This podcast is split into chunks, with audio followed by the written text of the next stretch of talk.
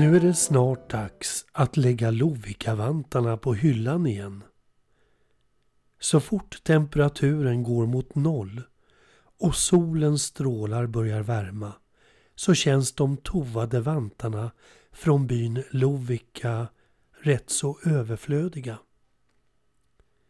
Min avlägsna släkting Erika Aitama från Junosuando skrev in sig i historien genom att karda vantarna mjuka 1892, endast 26 år gammal.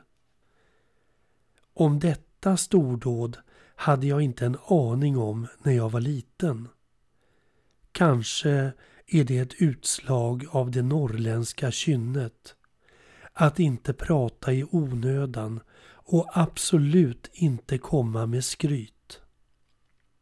Familjen Aitama var en mycket barnrik familj som gjorde som alla andra norrlänningar, nämligen våldgästade de familjemedlemmar som hade flyttat ner till Stockholm. På så vis kunde man räkna med att besöket skulle bli mycket långvarigt bara de lyckades ta sig in i hemmet.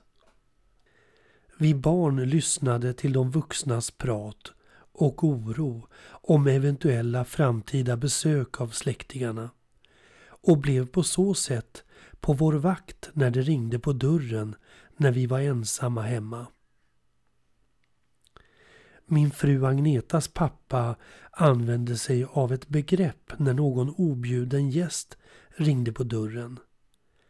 Kura skymning var hans uppmaning till barnen då.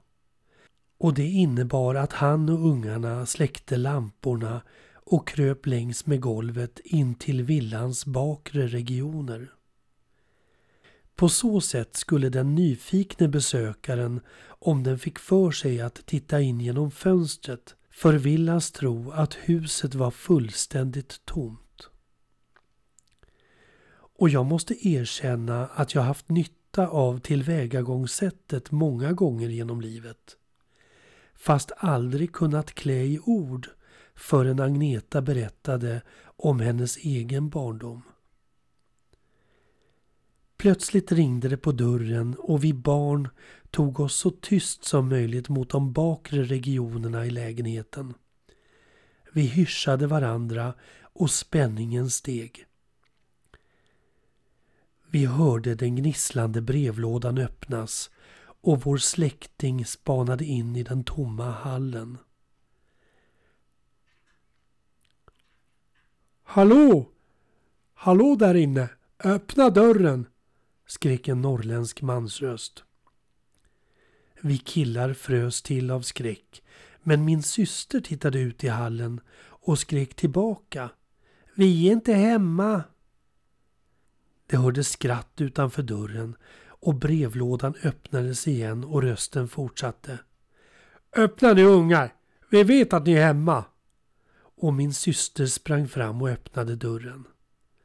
Vi hade släppt in familjen Aitama och de skulle nu troligtvis slå sig till ro i ett par veckor i lägenheten på de medhavda renfällarna. Så blev då lägenheten i Stockholmsförorten Axelsberg förvandlad till en sameby tre veckor i slutet på 60-talet. Och visst hade de med sig både hjortron och renkött, lovikavantar och näverslöjd som gåvor precis som de gjort sedan urminnes tider på deras breddgrader i Tornedalen. Numera köper jag mina Lovikavantar direkt från Kina. Och de distribueras tillsammans med miljontals andra små paket med Postnords lastbilar.